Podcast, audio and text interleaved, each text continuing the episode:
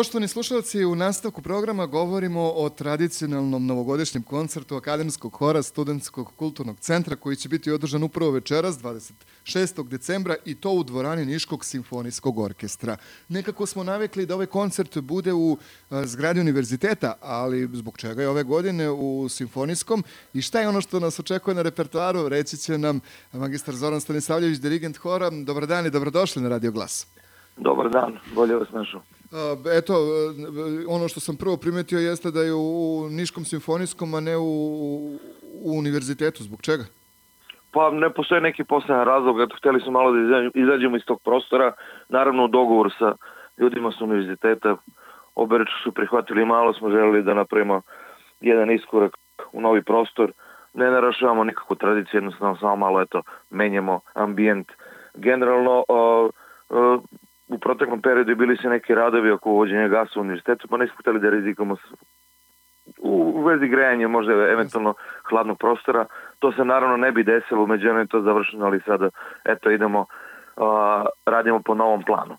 Što se tiče samo koncerta, naravno, mi kao i svake godine uh, e, a, e, pravimo praktično malu retrospektivu onoga što smo radili u protekloj godini i to prezentujemo našoj publici, jer e, kao što znate mi imamo dva E, kako da kažem, e, glavna događaja u toku godine što se tiče hora, to je novogodišnji koncert i koncert povodnog dana univerziteta. To jest e, dešavanja koje se, koja pravimo u vezi tog dana.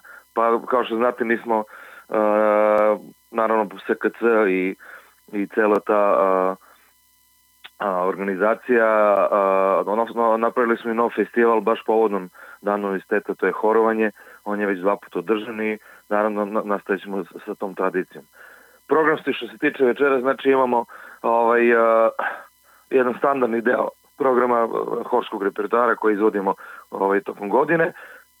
Jedan mali drugi deo e, bit će posvećen e, operskoj umetnosti jer kao što znate akademski hor već nekoliko godina učestvuje u realizaciji e, e, opštinskog programa u gradu Nišu, počeši od Carmen, pa ne znam, ajde, e, konkretno Čarovna frula je bila e, opera gde je Akademijski hor zapravo bio jedini hor koji je učestvovao i bio nosilac tog horskog dela i sada su pripremljene neke nove opere, naravno isto u produkciji uh, Akademskog hora, to je uh, e, i Studenskog kulturnog centra Tako da eto malo širimo neke vidike i naš repertoar.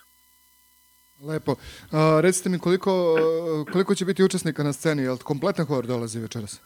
Pa da vam kažem, znate šta, dolazi kompletan hor Aha. naravno.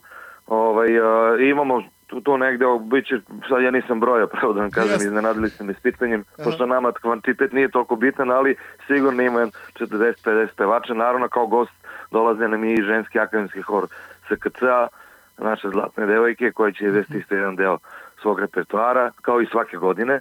Mhm. Tako da ovaj, e, e praktično e, je kao da je sve isto, ali uvek ima nečeg novog da se čuje. Hoćete li vi dirigovati ženskom horu ili imamo dirigenta? Ne, ne, ne, naravno, naravno. A, e, pro...